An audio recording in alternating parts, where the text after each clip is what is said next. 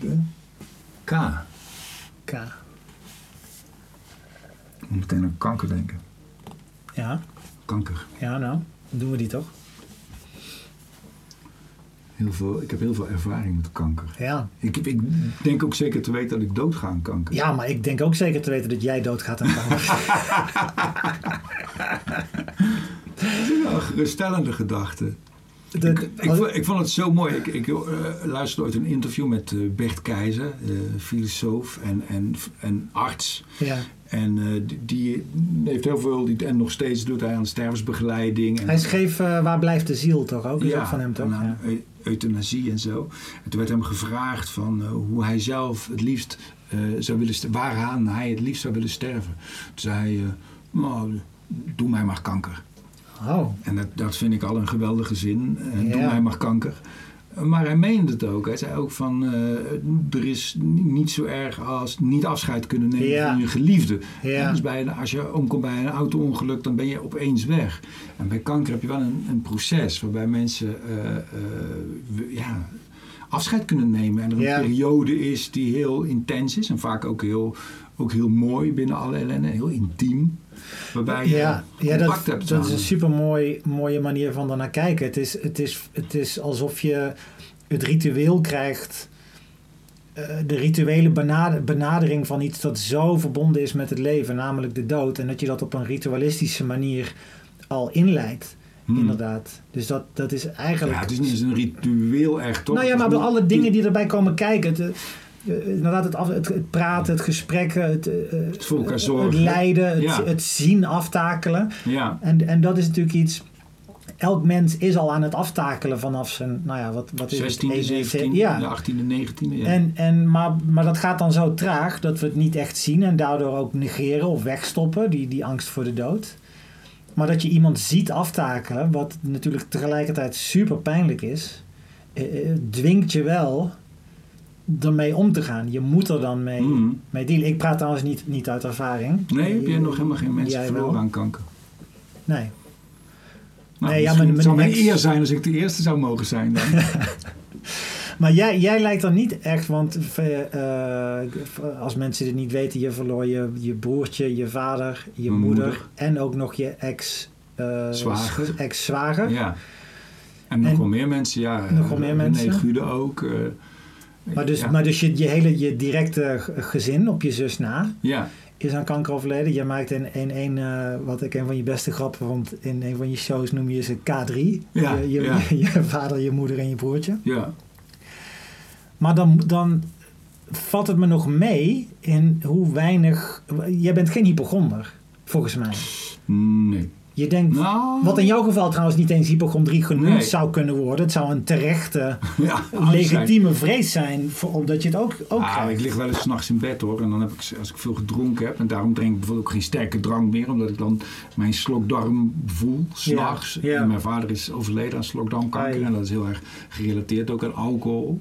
En, maar als ik veel bier drink, heb ik het ook. En dan, dan lig ik s'nachts wel in bed van, oh god, ja, dit is echt al een aankondiging Mm. van, een, van een toekomstige dood. Want ik denk ook dat dat mijn soort kanker gaat worden ook. Ik denk, Ja? ja, ja, ja, ja.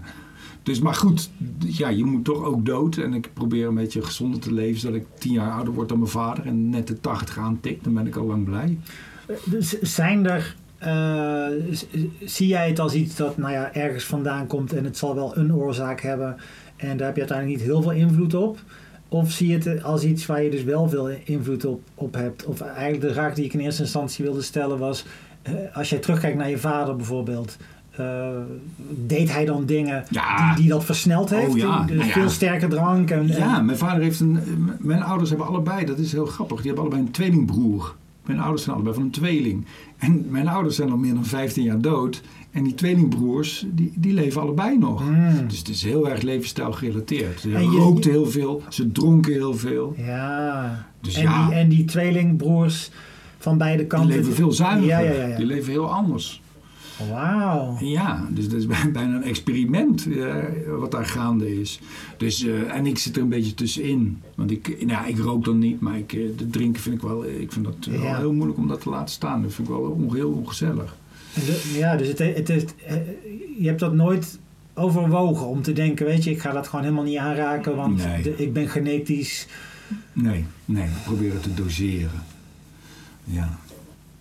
Ja. Het is ook een, ik vind het ook een maf. eh, een- het is ook zo'n interessant, het is ook bijna een metafoor ook zo, dat, dat, dat kanker, dat, dat, Hmm. dat die celdeling misgaat. Dat, dat er slordigheidjes eigenlijk ontstaan in je systeem, waardoor er eh, kwaadaardige cellen gaan groeien. Hè, dat is gewoon pure evolutie. Je ziet het ook bij, die, bij, de, bij het coronavirus en alle. Het kopieert zichzelf, Ja. maar met een klein foutje erin, waardoor dat. ja. En, en zo'n zo'n kwaadaardige cel vindt zichzelf niet kwaadaardig. Nee, Die nee. doet ook gewoon wat gezonde cellen doen, namelijk Groeien. delen, voorplanten, groeien. Ja, dat is toch. Dat is toch echt het grote mysterie, überhaupt. Wat, wat geen evolutietheorie verklaart, is dit. Is dat er Überhaupt. groei, Ja. dat er vanuit niets iets ontstaat Ja. en dat dat gaat groeien. Ja, en de wil, ook de wil om te groeien. Dat zit al in de Ja. kleinste organismen, dus de, de wil om, om te delen. Ja, en, en je kunt wil, zeggen, ja, dat is gewoon alles wil overleven of zo, maar waar komt dat überhaupt vandaan? Waarom is het belangrijk om te, te overleven voor een soort, voor een wat dan ook? Eh, waarom überhaupt, ja? Ja dat, dat dat snap jij toch ook niet, Henk? Of, of wel? Of heb jij daar meer Nee. vat op? Nee, nee, met al je ayahuasca-sessies en zo. Of zat je weer met je eigen neurose? Nou, wat ik, wel, daarover na wat, ik, wat ik wel laatst eh, eh, eh, las eh, over zo'n nieuwe stroming binnen de wetenschap van het bewustzijn. Want daar zijn ze echt nog totaal nergens mee, hè, met wat dat is, waar dat vandaan komt. En je hebt daarin twee scholen. Je hebt een school die blijft beweren dat dat dus gemaakt wordt in het brein op de een of andere manier. En dan ineens ontstaat. Maar wat, zijn wat wordt gemaakt in bewustzijn. Ja. Dat, dat is op de een of andere manier, eh, dit werkt samen met dat en dan is dat er. Een subjectieve waarneming. Maar er zijn heel veel gaten in te schieten in die theorie. En de andere theorie is, dat noem je panpsychism of panpsychie. Pan, pan, nou ja, ik ken alleen de Engelse term dit keer. Ehm, die stelt dat het dus omgekeerd is. Dat alles bestaat bij de gratie van bewustzijn. Hmm. En dat dus zelfs eh, een steen, eh, het hele universum bestaat bij de gratie van, van bewustzijn. Wat nog steeds niet die wil verklaart. Nou ja, laat maar. Nee, ik, ik, ik, ik trek deze terug, deze drop. Ja, ja. Maar misschien ben ik wel vaker bang voor kanker dan jij. Terwijl ik helemaal niet dat genetisch... ja. Ben je er wel eens mee? Je bent wel eens bang voor. En, Ja. en dan op een specifieke ik, zie, plek ook? ik zie heel... eh, nee. Maar ik zie gewoon heel erg op tegen de, de, de, de confrontatie, de, de, de mensen dan. Hoe, hoe het eh, afscheid moeten nemen, het moeten vertellen aan, aan je kinderen. Ik denk sowieso vaak mijn eerste, mijn eerste gevoel bij de dood is, daar heb ik van anderen ook gewoon, daar heb ik geen zin in. Ja, Die, die gedachte heb ik eerder dan, oh nee, ik, ik, ik, wil die, ik hoop niet dat diegene doodgaat, want dan ga ik diegene missen. Of ik wil diegene in mijn leven houden. Ik denk meer, dat is heel egoïstisch, ik denk meer, dat is zo'n fucking gedoe. Gewoon geen zin in. Begrafenis, je eigen emoties. als er iemand anders doodgaat. Ja, ja, ook ja. Gewoon Ja. daar heb ik geen zin. Ik heb geen zin dat mijn moeder doodgaat. En, en dat, is meer een dat is meer omdat ik gewoon daar geen zin in heb dan dat ik denk, ik ga dat missen. Want, Ja, dat is best wel Snap je? raar. Want je kan er ook op vertrouwen dat, dat eh, je alle, alles in huis hebt om je in dat moment eh, heel goed te redden. Ja, terwijl ik, ja, ik, ik denk dus van niet, want ik, ik, vind, ik vind mensen sowieso moeilijk en samen zijn. En dan is dat allemaal beladen. En, en ook, maar ook mijn eigen emoties, hoe ik daar dan weer mee om moet gaan. En de confrontatie met Ja, dan, sterfelijkheid dan, dan, überhaupt. dan is er waarschijnlijk. gedoe.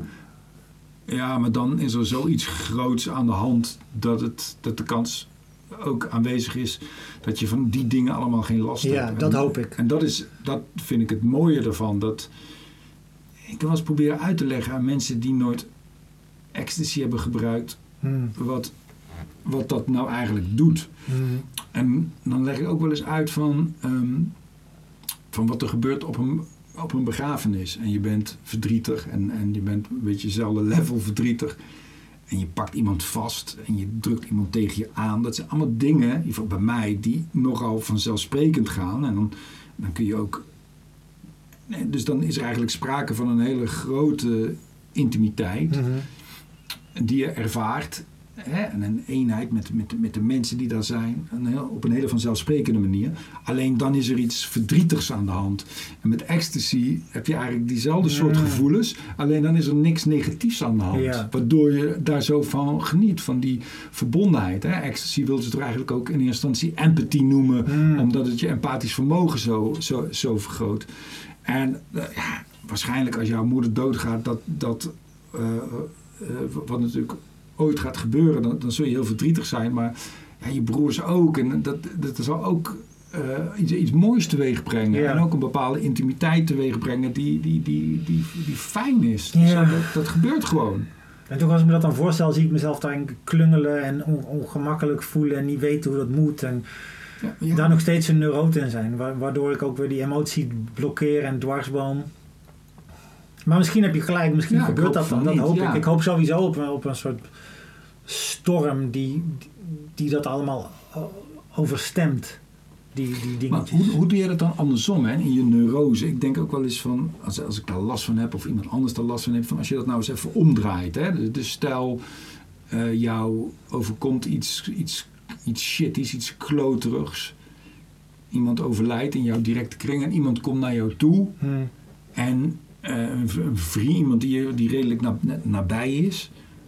Dan is het toch fijn bijvoorbeeld dat hij naar je toe komt. En, of die, en als die zegt, oh Henk, kutman, ik weet niet wat ik moet zeggen. Dan is dat toch helemaal goed. Dan ga jij toch niet zeggen, Nee, dan nou, vind ik dat. ik Nee, vind het niet, je had wel iets beters kunnen nee zeggen. klopt. Maar En andersom geldt dat toch ook voor, Nee, voor, voor jou nee, dan? nee want, want deels heb je gelijk. Namelijk, ik zal die ander nergens op afrekenen. Eh, en daar alleen maar het goede in zien.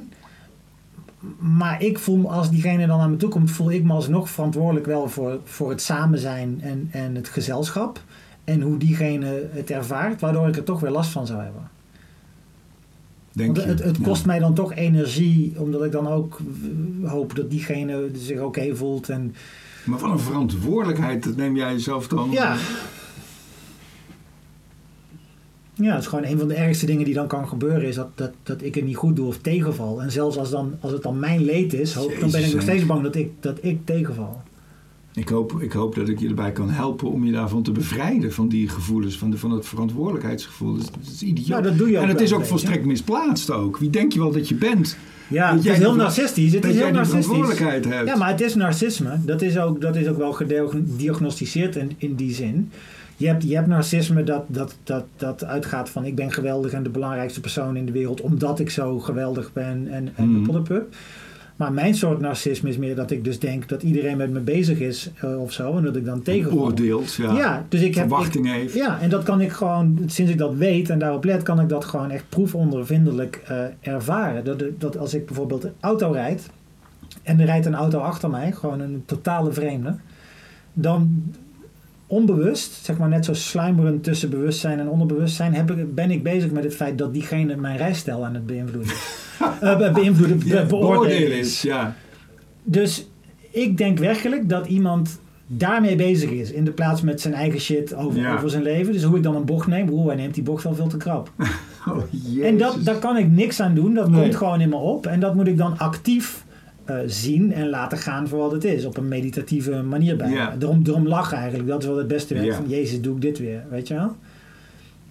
Maar dat is, dus een, dat is dus een prikkel. En dat heeft gewoon ermee te maken dat je niet wil eh, teleurstellen. Of dat, dat, niet, dat je niet wil dat iemand zegt... Oeh, dat is eh, een beetje een teleurstellend persoon. Want dan, dan verdwijn ik of zo van mijn gevoel. Dus die verdwijningsangst, dan ben ik niks meer.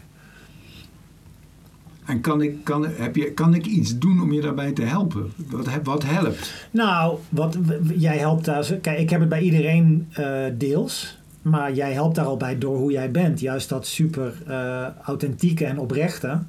Waardoor ik in ieder geval wel weet waar ik aan, aan toe ben, grotendeels. Dus dat, dat vind ik al heel fijn. Dus je, je kan niet iets meer doen nog. Maar je wil, eigenlijk, wil, je, wil je eigenlijk steeds nog een plaatje in je, in je schriftje of zo, van de juf eigenlijk? Is dat het? Ja, maar dan, is het dan meer een, dan is het meer een, het, het, het, het, eh, het plaatje. Dat is dan niet gewoon nog één plaatje. Dat is dan een heel, een heel schrift bijna. Ja. Gevuld met plaatjes. Heb ik dan ook nodig. Ja. Maar we hadden het over kanker. Ja, maar het is kankerirritant. Kanker van de ziel. ja. Ja.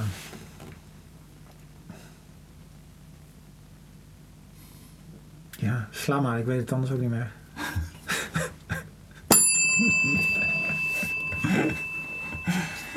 Goeie.